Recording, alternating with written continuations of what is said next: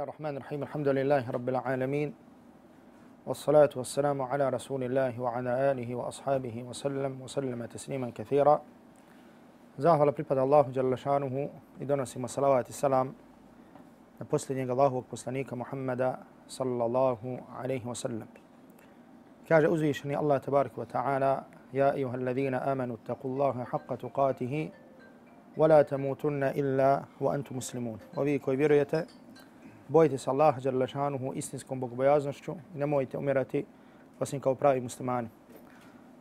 Uzvišenog Allaha tabaraka wa ta'ala molimo da nas učini od onih koji ga se boji istinskom bogobojaznošću, od onih koji će umrijeti samo kao pravi muslimani i molim ga subhanahu wa ta'ala da ga sretnemo, a da on sa nama bude zadovoljen. ja onoga ugasiti?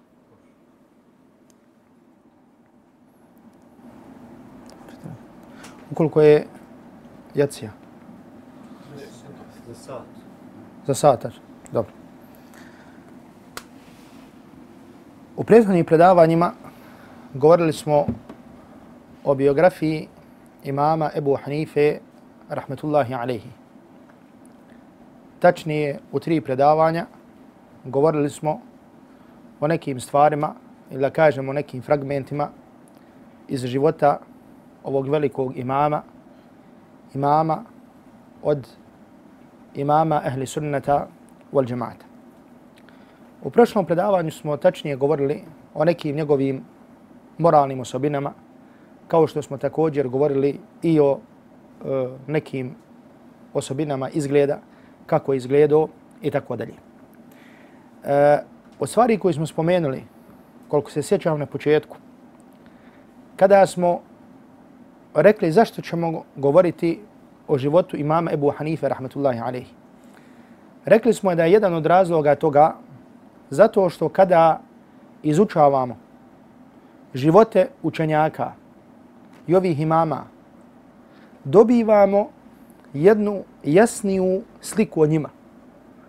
Ko su stvari oni bili? Kako su vjerovali? Kako su poimali stvari? I tako dalje, i tako dalje. I zato smo možda o nekima od tih stvari spomenuli odnosno kazali usput.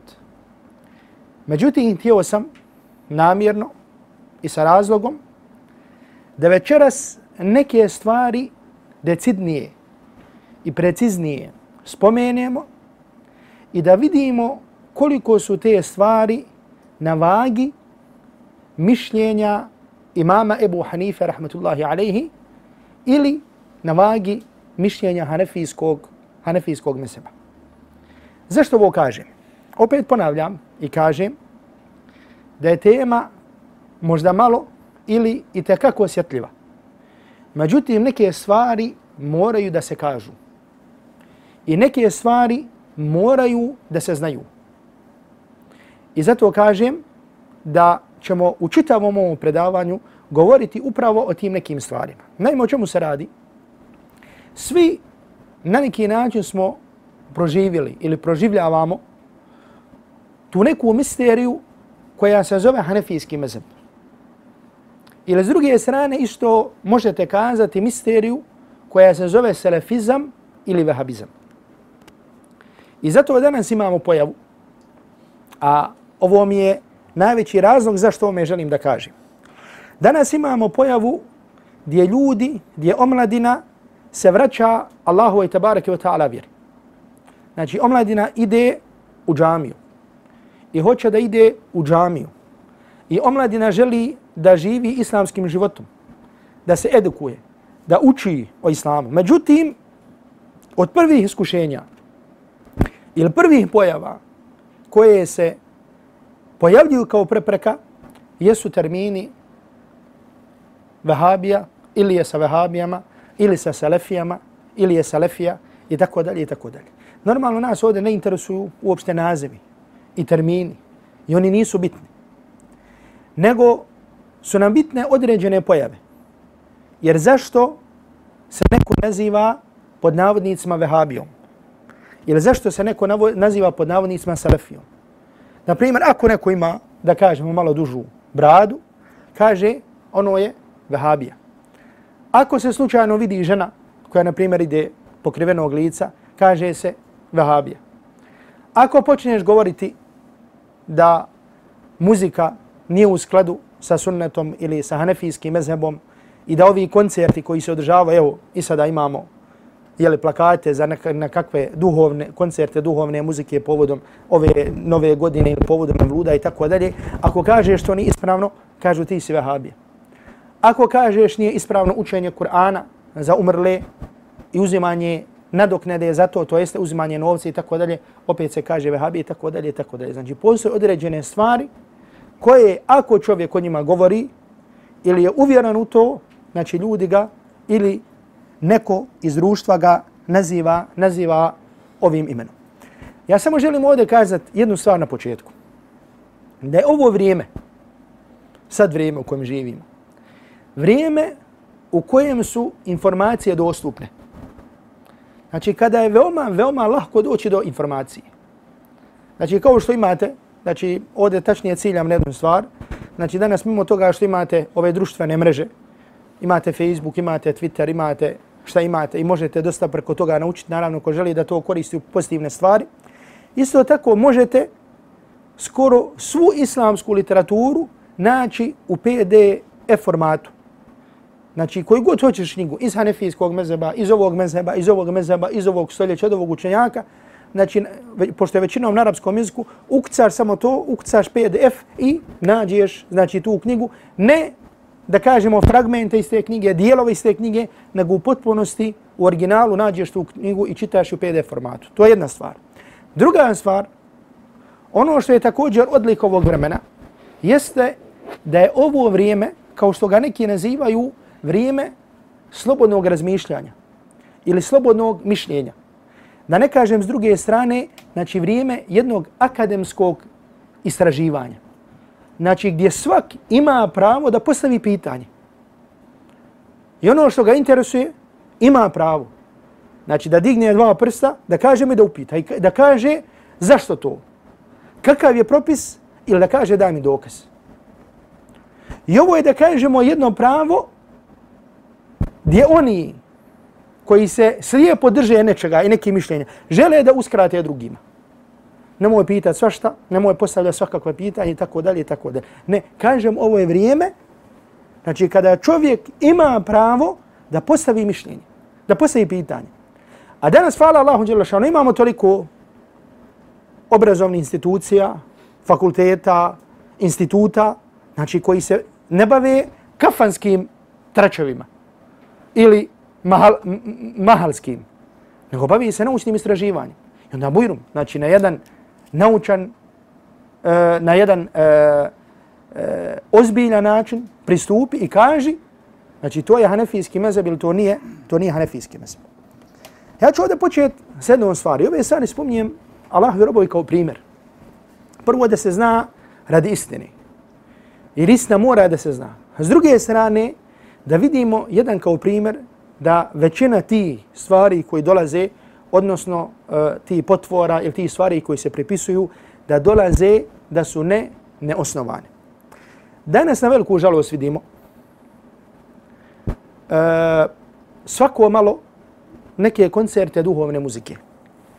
Znači koncerte u smislu gdje se pojavljuju muzički instrumenti, gdje dolazi do miješanja muškaraca i žena, onda dođe žena, nekakva pjevačica ili kako se već zove, učetica ilahija, znači stane uči ilahije, muškarci gledaju, klepću i tako dalje. I najveći je problem, nije to toliki problem što se to kao to dešava, nego što se to pripisuje islamu. I također što se to pripisuje našoj tradiciji. Znači tradiciji muslimana na ovim prostorima. Znači mi, hvala Allahu Đelešanu, nismo bili, da kažemo, glupi. Muslimani ovih prostora nisu bili glupi, nego su pisali svoju istoriju. Znači pisali su svoju istoriju, pisali su znači mišljenja učenjaka, učenih ljudi ovih prostora po pitanju, po pitanju određeni, po pitanju određeni stvari. Pa zato kao primjer, želim samo da spomenem ukratko, znači kako hanefijski mezheb gleda na muziku, odnosno tačnije na korištenje muzičkih instrumenta. Odmah ovdje da kažem da u četiri mezheba, hanefijskom, šafijskom, malikijskom, hanbelijskom, da ne postoji razilaženje oko zabranjenosti korištenja muzičkih instrumenta. Međutim, ja želim akcent, akcent da dam na hanefijski mezheb. Uzvišeni Allah tabarak wa ta'ala u Kur'anu, u suri Luqman, kaže وَمِنَ النَّاسِ مَنْ يَشْتَرِي لَهْوَ الْحَدِيثِ لِيُضِلَّ عَنْ سَبِيلِ اللَّهِ بِغَيْرِ عِلْمٍ وَيَتَّخِذَهَا هُزُوًا أُولَٰئِكَ لَهُمْ عَذَابٌ مُهِينٌ Kaže, ima ljudi koji kupuju priču za razonodu da bi ne znajući koji je to, koliki je to grijeh sa Allahovog puta odvodili. Kupuju priču za razonodu. Abdullah ibn Mas'ud radijallahu ta'ala anhu se zaklinjao Allahom, ovaj ashab, se zaklinjao Allahom da se ovaj ajet odnosi na muziku. I zato kaže Hafiz ibn Kasir u svom tefsiru, Eh, inače, početak ove sure, sure Lukman, govori se o bogobojaznim, osobinama bogobojaznih. I onda dolazi spominjanje ovog ajeta, znači gdje se govori o ljudima koji kupuju priču za razanudu. Kaže Hafiz ibn Kesir, znači prije koji je bio mnogo sto, nekoliko stoljeća prije Muhammed ibn Abdul Wahaba ili nekog vehabizma ili nekog selefizma. Kaže Hafiz ibn Kesir, atafa bi zikri halil ašqija, da prevedem ukratko, kaže nakon što je spomenuo osobine bogobojazni, spomenuo je, to jeste uzvišeni Allah tabaraka wa ta'ala, osobine nesretnih. Oni koji su se okrenuli od toga da uzimaju korist slušajući Allahov govor i koji su se okrenuli ka tome da slušaju muzičke instrumente i muziku. I kaže, prenosi se da Abdullah ibn Mas'ud govorio, huwa wallahi l-gina. To je to jeste priča koja se uzima za razonodu, Abdullah ibn Mas'ud je govorio, to je tako mi Allaha, tako mi Allaha muzika. Imam Bukhari u svom sahihu, Imam Bukhari, a znate ko Imam Bukhari, i o tome ne trebam govoriti, u svom sahihu je zabilježio hadis koji prenosi Abdurrahman ibn Ghan al-Ash'ari, gdje kaže pričao mi je Ebu Amir ili Ebu Malik al-Ash'ari. Kaže, Wallahi ma kadhabani kaže, tako mi Allaha nije me slagao. Znači, kaže Abdurrahman ibn Ghan, koji prenosi od ashaba, kaže, Wallahi ma kezabeni. Kaže Abu Amir ili Abu Malik al-Ash'ari, tako mi Allaha nije me slagao. Kada mi je prenio da je čuo od Allahovog poslanika sallallahu alaihi wa sallam, da je kazao da je čuo Allahovog poslanika sallallahu alaihi wa sallam da kaže la yakunanna fi ummati aqwamun yastahilluna al-hirr wal harid wal khamr wal ma'azif.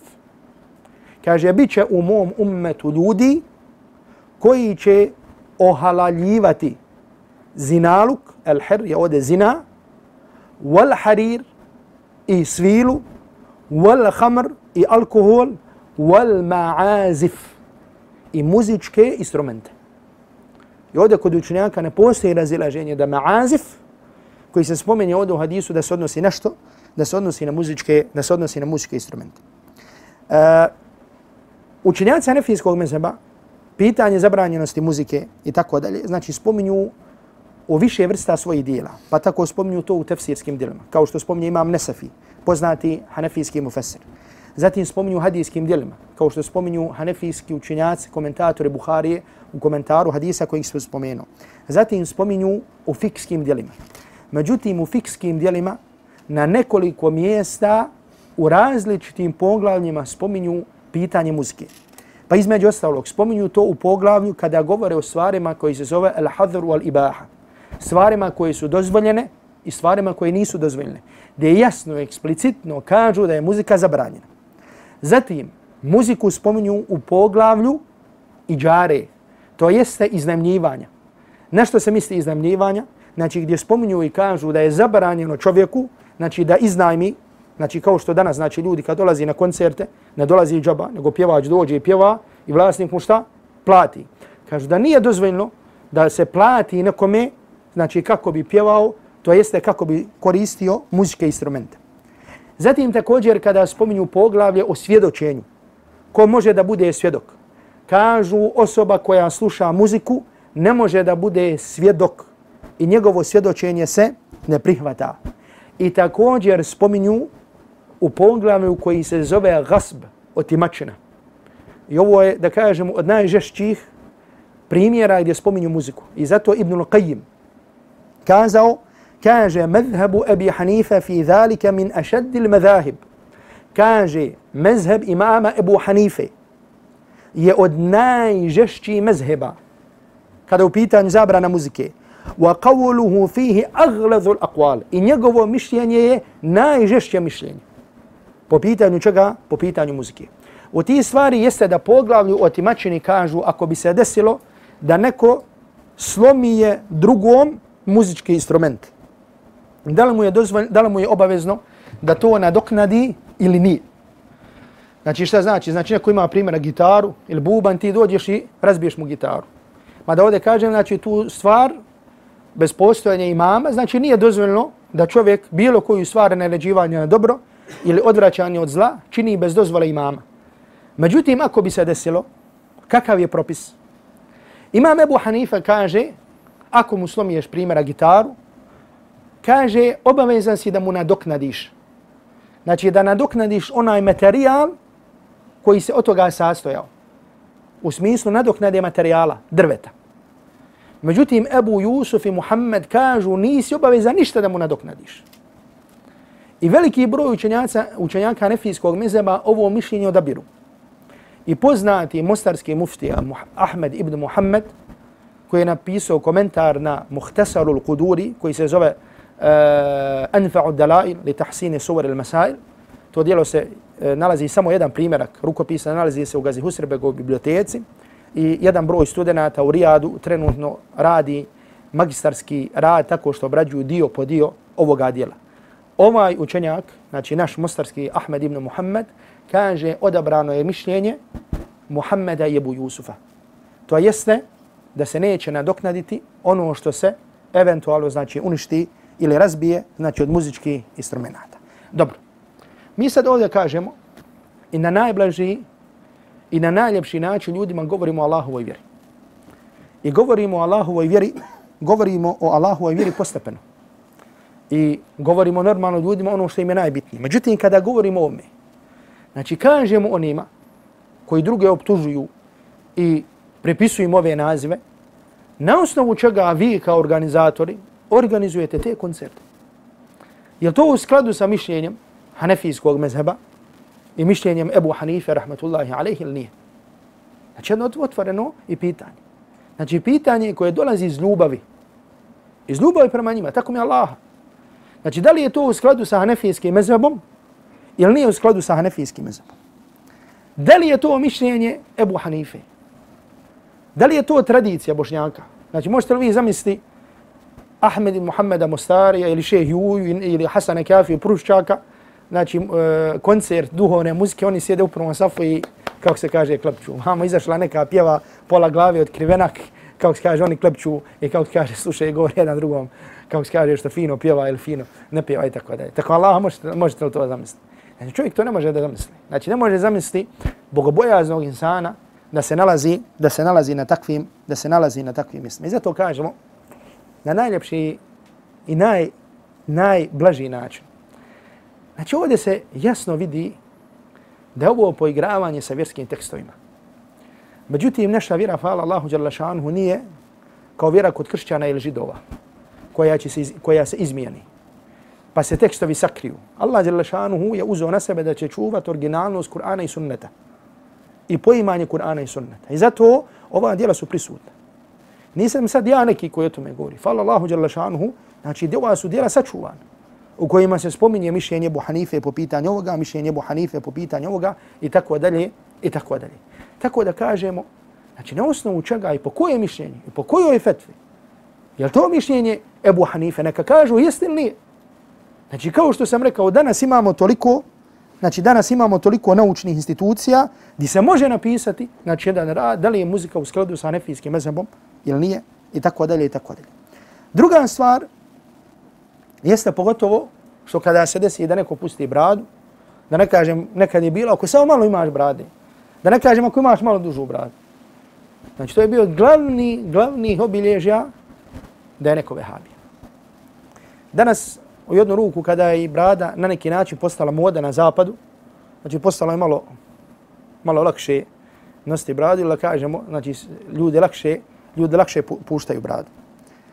Kada u pitanju opet pitanje brade, Eh, učenjaci Hanefijskog mezeba ovu stvar spominju u hadijskim dijelima, spominju u fikskim dijelima, spominju u dijelima koji govore o novotarijama i zabranjenim stvarima.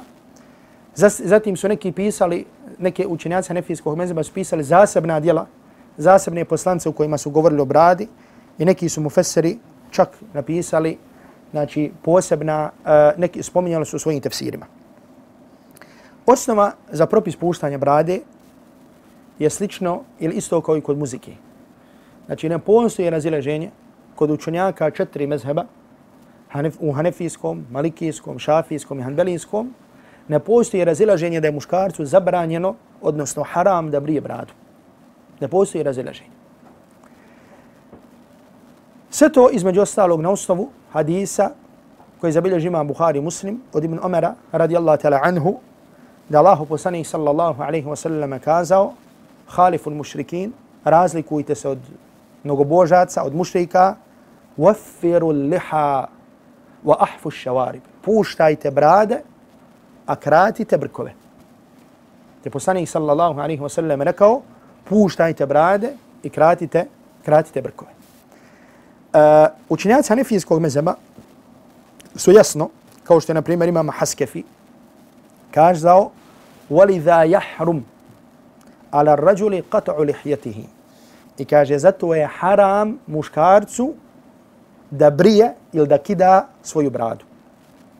I unutar hanefijskog mezema ne postoji nikakvo razileženje. Kroz sva stoljeća, niti jedan od hanefijskih mezeba nije kazao da je brijanje brade mekruh, da ne kažem da je dozvolio. Znači u svim metnovima, u svim šarhovima, u svim hašijama, vrstama dijela kaže se da je brijanje brade, da je brijanje brade haram. Čak šta više, učenjaci Hanefijskog mezheba nisu dozvolili kraćenje brade osim koliko je dužina šake. Znači da čovjek znači, uzme svojom šakom, kabba, bradu i da ono što je mimo, znači da otkine. Znači mimo, mimo šake su dozvolili. Ispod šake, znači to nisu dozvolili. Čak šta više su kazali znači kao što se spominje u haši, hašijetu ibn Abidin, znači kažu, kaže, wa amma al-akhdhu minha, wa hiya duna dhalik, kema jef'alu ba'du al-maghariba. A kaže, što se tiče kraćenje brade ispod dužine šake. Kaže, kao što rade neki ljudi na zapadu. Ovdje se misli na zapadnom dijelu islamskog svijeta, Maroko, znači Tunis i tako dalje. I čak, znači ja ću ovdje prenijeti da se niko ne nađe uvrijeđen, Eh, ko krati bradu ili možda ko iz neki razloga znači to ne čini. Međutim, ovdje se čak ovaj autor Hanefijskog mezeba ismijava sa onim koji krate bradu ispod dužine šake. Ili kaže kao što čine neki muhannetha. Muhannetha znači dvospolac. Znači hoće da kaže da nije pravi muškarac. Znači nemojte mi zamjeriti, ja prenosim emaneta radi. I ovdje kažem da ima učenjaka koji su kazali znači da su učenjaci razišli oko kraćenja brade, većina je da nije dozvoljno krati bradu osim dužine šake i tako dalje, međutim razilaženje postoji. Međutim, učenjaci Anefijskog mezeba su ismijavali sa onima koji krate bradu ispod dužine šake. I govorili su, kaže, falam yubihu ahad. I kaže, to nije dozvolio niko. Znači, kraćenje ispod, kraćenje ispod dužine šake. Znači, aludirajući na što? Znači aludirajući da niko od hanefijskih mezeba nije dozvolio kra, kra, e, kraćenje brade ispod dužine šake. Ovo što sam vam prenio, emaneta radi, ovo je stav hanefijskog mezeba. Znači ovo je stav hanefijskog mezeba. I zato vidite ovdje, znači, kao što sam kazao, znači čak su ismijavali sa onima koji su kratili ispod dužine šake, kazali su da to nije dozvoljeno. I ono što također uh, nalazimo, jeste da su putopisci, kao što je Anton Hangi u svom dijelu Život i običaj muslimana, znači Život i običaj muslimana Bošnjaka, na 89. stranici, ovo je poznata knjiga, znači dostupna, da je opisivao Bošnjake muslimane kao uh, muslimane gdje muškarci nose brade. I spomenuo je, tako je lijepo opisao bradu i kaže, kaže brada odaje čovje, čovjeka plemenita, ozbiljna, čestita i poštena koji živi po Božijem zakonu. Znači ovako Anton Hangi govori o bošnjacima muslimanima. Dobro, ja opet kažem, možda se možemo razići, znači da li je sada treba govoriti o bradi, ne treba govoriti o bradi. Definitivno se slažemo da postoje puno stvari koji su bitnije da govore se nego da se govori o bradi. Međutim, opet postavljamo pitanje i kažemo zašto se neko od ljudi koji se pripisuju ilumu ili imametu ili se nađu na mimberi, zašto se smijavaju sa bradom? Zašto neki ljudi koristi dalje izraz bradonje? Ili kaže bradurine? Ili kažu dlake? Neki hoće da omalovaže bradu, pa kažu dlake. Kaže, pusti od dlake. Šta će ti te dlake? Znači, nema je dovoljno da znamo da nas je Allahu poslanih sallallahu alaihi wasallam, da nas je na to, da nas je na to uputio. I zato, znači, kažem, znači, opet imamo pravo da postavimo pitanje zašto je danas problem pustiti bradu? Ili zašto se neko danas ismijava sa bradom? Ili po kojem mezebu i po kojem mišljenju dozvoljava brijanje brade? Unutar, znači, četiri mezeba od ehli sunnetski, od ehli sunnetski mezeba. E, kad govorim o ovome, ja ću ovdje spomenuti samo jednu stvar. E, što mislim da trebamo da obratimo pažnju na nju. Znači, draga braćo, normalno je da vanjski faktori i okolnosti utiču tako da kažemo na određena čovjekova djela. Međutim, ako pogledamo sunnet Allahovog poslanika sallallahu alaihi wa sallam, vidjet ćemo da Allahov poslanik sallallahu alaihi wa sallam nas uči i odgaja da budemo, da tako kažemo, jake ličnosti. I da ne padamo tek tako lahko, da ne kažem nikako, po druge uticaje. Zašto ovo kažem? Ovo kažem zato što, znači kada se, na primjer, pojavila na zapadu moda da se nose kratke pantale ili znači članaka i brada, znači ljudi su prestali o tome da govorimo. Nama ne treba da nešto postane moda pa da to činimo ili ne činimo. Dovoljno nam je da nas je Allah poslanih sallallahu alaihi wa sallam obavijesti o tome.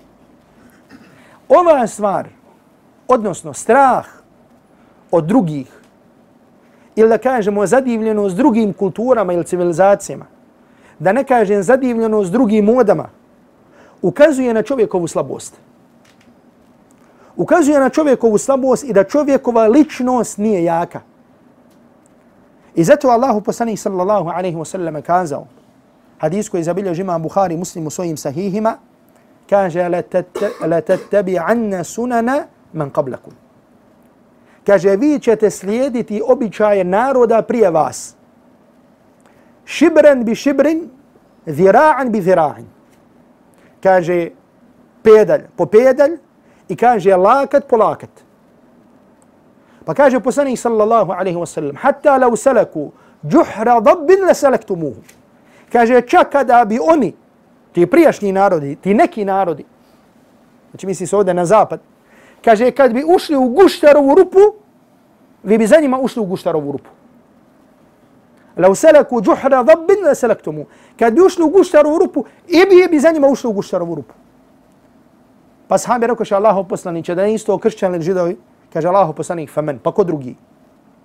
Znači, tako će doći vrijeme ili slabost muslimana, da šta god urade, znači ljudi na zapadu, isto ćete, isto ćete tako, isto ćete tako to virati. I zato vam kažem, znači kada je u pitanju moda, hoće ovako, hoće ono, znači dovolja nam je sunnet Allahovog poslanika sallallahu alaihi, alaihi wasallam. Ovdje želim da spomenem jednu stvar, ova je stvar možda najopasnija, da tako kažem, jer sve ono što se tiče para, znači danas je postalo problematično. A to je propis učenja Kur'ana za novac. Znači učenje takozvani hatmi, četiresnica, jasina i tako dalje, međutim u svemu tome da se zato uzima nadoknada. Znači da se naplaćuje, znači hatma ima cijenu, toliko košta i tako dalje i tako dalje. Znači ovdje želim da kažem jednu stvar.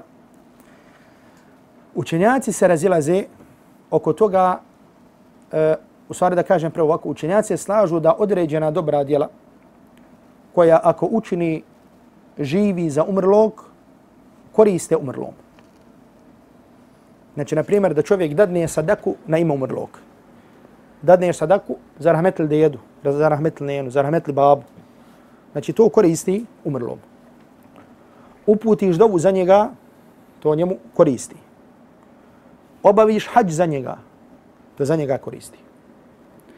Međutim, postoje stvari, te stvari od prilike su došle u sunnetu Allahovog poslanika sallallahu alaihi wa sallam. Međutim, postoje određene stvari gdje su učenjaci razišli. A to su, na primjer, druge vrste ibadeta ili drugi ibadeti. Kao, na primjer, da proučiš Kur'an i da kažeš sevape ovoga što sam proučio, znači na dušu tog i tog. Ovdje se islamski učenjaci razilaze. Veliki broj ih dozvoljava. Znači veliki broj dozvoljava da proučiš Kur'an i sevap toga podariš, e, pokloniš umrlom.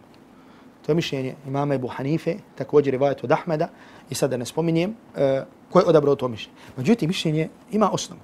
Kažu analogno drugim dobrim djelima. Kažu analogno hađu. Zato što postoji dijelova hađa gdje se uče ajeti. Kao što, na primjer, kad klanjaš pa na namaz učiš Kur'an. Međutim, ono gdje se islamski učinjaci složili jeste da ako je ta ibadet, odnosno to učenje Kur'ana za nadoknadu, to je po koncenzusu svi učenjaka neispravno. I batil, batil, batil neispravno. Znači koristi niti ima onaj koji je učio, niti onaj kome se uči.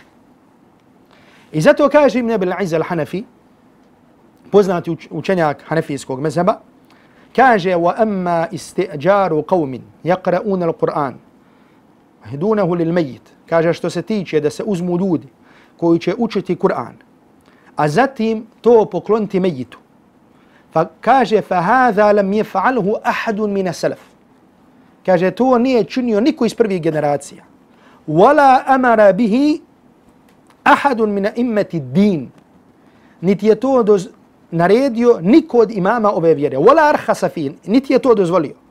Wal istiđaru ala nefsi tilava gajru jaiz bila khilaf.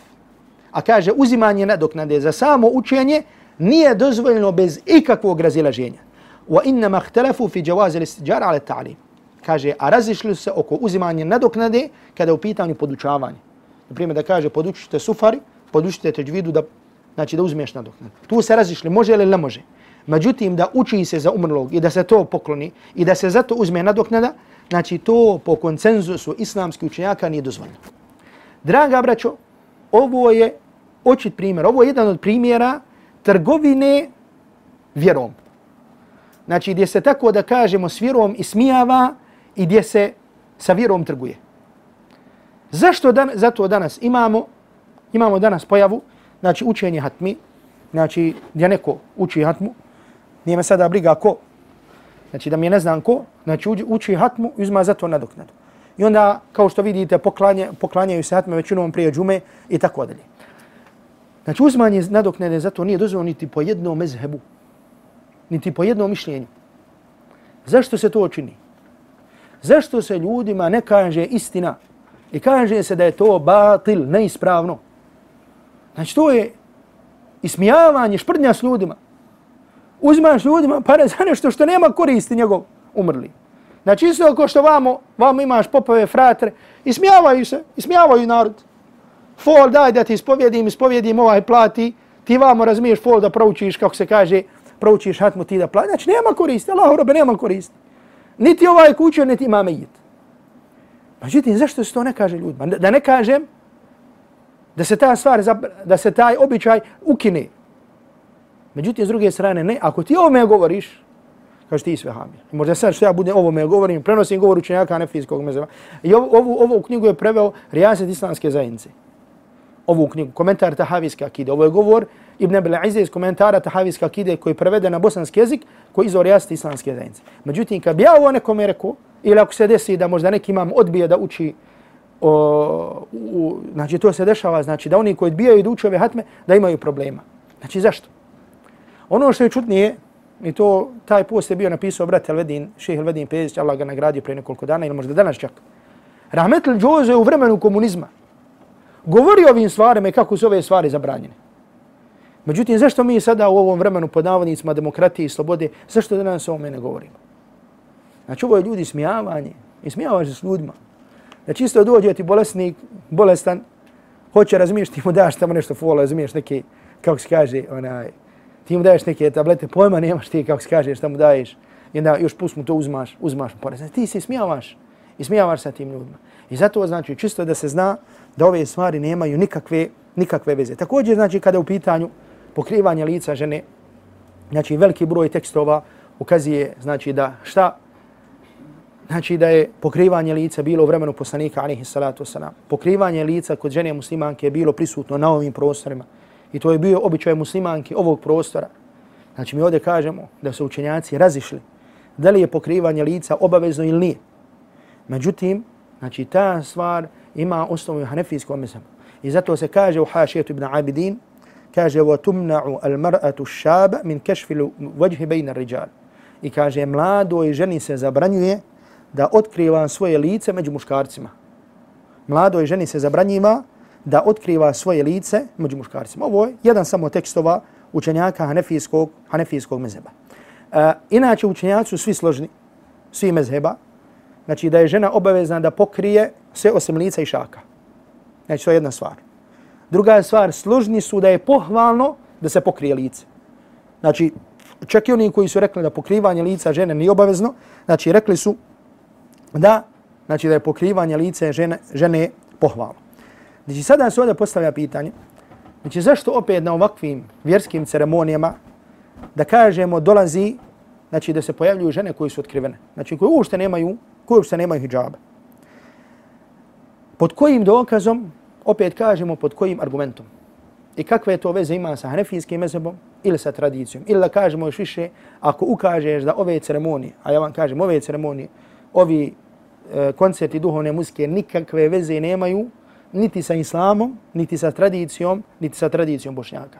Međutim, ako ovo kažeš, ti ćeš biti od onih koji su, od onih koji su, da kažemo, vehabije ili naginju vehabizmu i tako dalje i tako dalje. E, ja ovdje želim da spomenem jednu stvar e, za koju opet također mislim da je bitna, da je osjetljiva. E, međutim, to je, kako da vam kažem, znači, o, e, poput bolesti. Znači, ako čovjek ima, ako u društvu ima, ne, e, ako, evo da kažem pojedinac, boli od nečega, šta je najbitnije? Najbitnija je diagnoza. Da znaš šta je. Znači, dođe čovjek, kaže, boli me bolestan, snimi ga doktor i vidi, na primjer, ne do Allah ima nešto opasno. Kaže mu, ne, ne, ti dobar, hajte kući. Ovaj doje je kuć umre, kako se kaže, za godinu dvije. Međutim, da mu je rekao, ko što treba da mu kaže na vrijeme šta mu je i kako mu je i da mu kaže stvarnu istinu, čovjek ako na vrijeme poduzme da se liječi, možda može da se izliječi i da živi 10, 20, 30 godina, 10, 20, 30 godina poslije toga. I zato, znači ono što je najvažnije, Allah i robovi, jeste diagnoza. I tako isto u islamu. Najvažnije kada govorimo o nekoj pojavi, da znamo propis istinski, kako je po Kur'anu i sunnetu. Da li je halal ili je haram? Da li je vađib ili nije vađib? Je li sunnet ili nije sunnet? Koliko god ja ili ti, ja kažem da nekada kada kažemo da se neko ne uvrijedi. Svi smo mi puni mahana. Međutim, ako hoćemo da se riješimo mane, prvi korak je da znamo kakav je propis toga. I ovo također kažem pogotovo znači kad odgajamo našu djecu i naše porodice. Prva je stvar da podučimo onom što je ispravno. Ne možeš ti odmah preko noći jednu stvar da promijeniš u svojoj familiji, a kamo li u svojoj komišije da ne kažem na dunjaluku i tako dalje. Međutim, prva stvar jeste ispravno poimanje te stvari. I zato, znači, moramo mi i kao očevi, i kao braća, i kao članovi porodica, moramo da govorimo o važnosti, bitnosti i obaveznosti stvari koje se, stvari koje se zove hijab, odnosno pokrivanje žene ova stvar je, draga braćo, toliko bitna. Znači, toliko prije svega bitna radi naših sestara. Toliko ima sestara koje vole Allaha, vole poslanika. Međutim, nemaju snagu ili nemaju, da kažemo, e, nemaju određenu snagu da stave, da stave hijab na svoju, da stave hijab na svoju glavu. Međutim, mi ako zanemarimo tu stvar, znači nećemo i pomoći. Međutim, ako smo svjesni važnosti toga, onda, onda možemo onda možemo da im pomognemo. I zato želim da se osvrćući na ovu stvar, da vam kažem, znači ovu stvar spominjem samo iz ljubavi prema onima za koje želim, znači da se okite s ovom stvari. Iz ljubavi prema muslimanima, prema muslimankama, prema islamskom svijetu. I zato Allah i robovi, znači svaki čovjek treba da zna prva i najosnovnija stvar što je u njegovom životu jeste, jeste njegova porodica. I da je porodica nešto što je obavezan da podučava i da odgaja.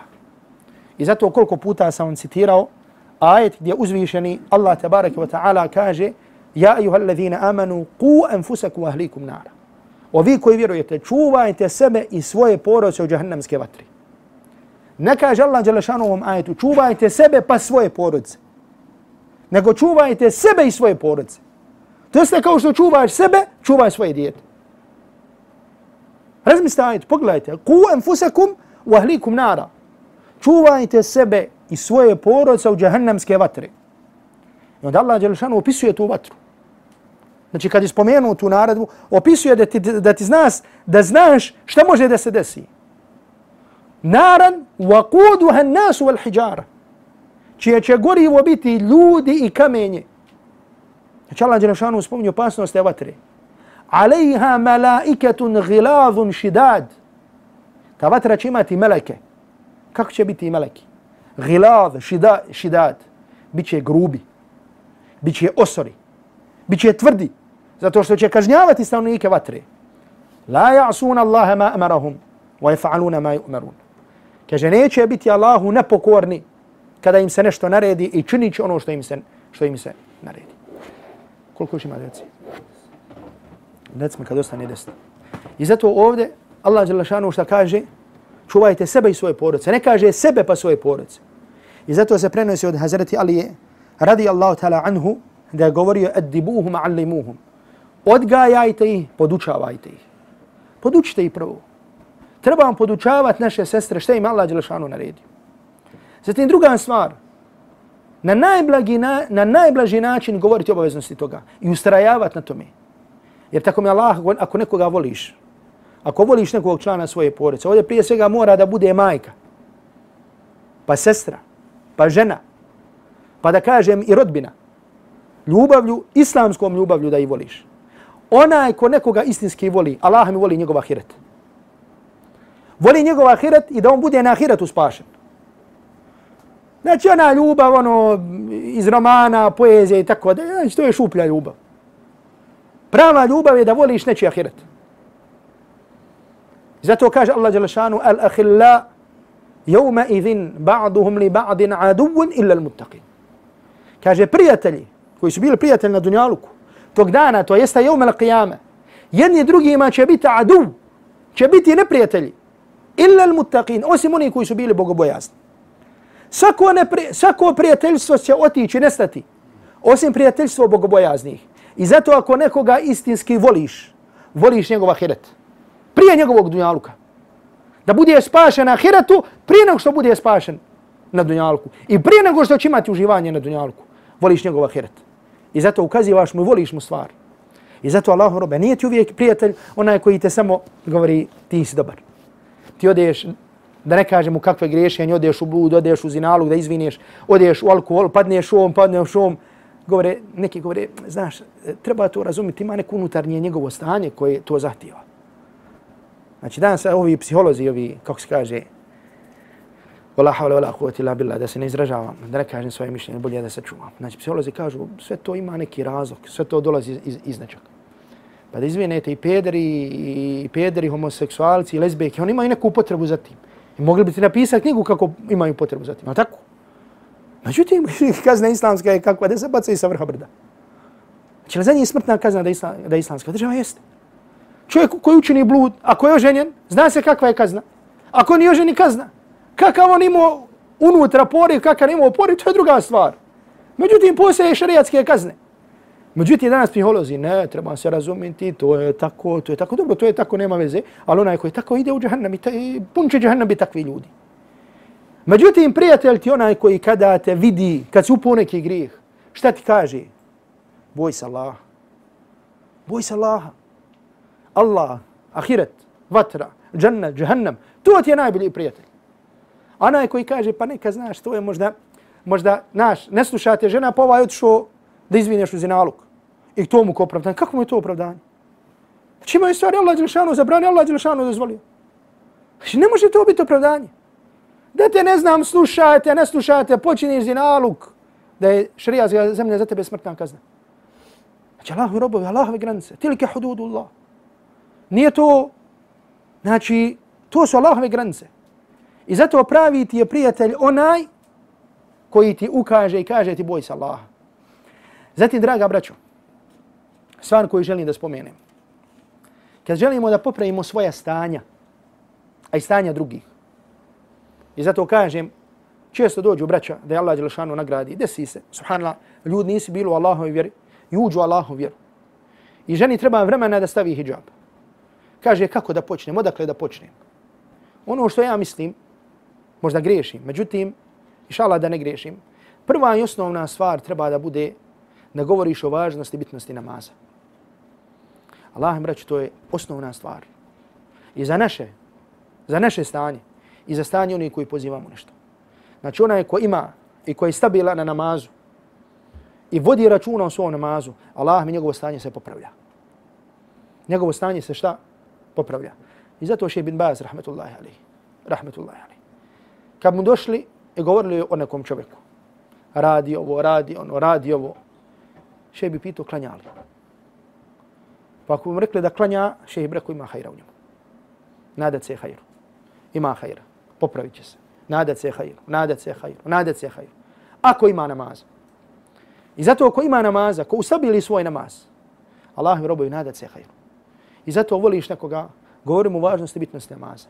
I uvijek podsjećajmo jedni drugi na važnost bitnosti namaza. Imaš prijatelja od djetinstva, voliš ga, želiš mu haj, govorimo o namazu.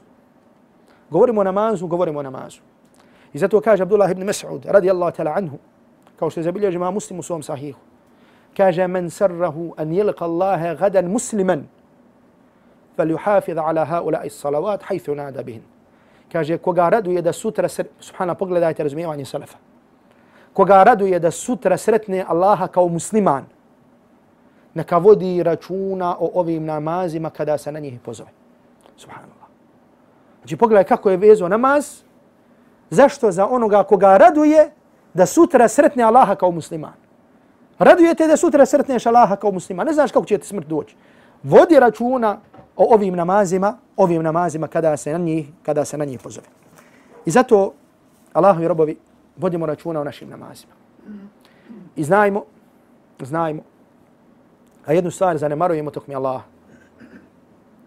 Niko od nas nema, to često puta kažem, i potreba je da to kažem. Niko od nas nema garant, niti garanciju, da će umrijeti na ovome, to jeste na ovome hajru, ako je danas na njemu. Subhanallah, često puta pređemo preko toga, ni svjesni nismo. Da Allahu poslanik sallallahu alaihi wa sallam najviše dobio da ga Allah učvrsti na istini. Allahu robe, Allahu robinjo. Allahu poslanik, Allahu miljenik. Najviše dobio zašto? Da ga Allah učvrsti na istini, subhanallah. Ko smo mi da za to ne dobio? Dova koju je najviše učio poslanik je bila koja? Ja mu kalli al kulubi, thabit kalbi ala dinik. Ovo ti koji okrećeš srca, učvrsti moje srce na tvojoj vjeri. Učvrsti moje srce na čemu? Na tvojoj vjeri. Draga vreću, ova vjera je najveći kapital koji imamo. Blagodat vjere je najveći kapital koji imamo. Allahu poslanik sallallahu alaihi wasallam, sunnet Allahovog poslanika je najveći kapital koji imamo. Najveće bogatstvo koje možemo prenijeti našim porodicama, našoj djeci. Sjetite se onog događaja kada je bila bitka na Huneinu.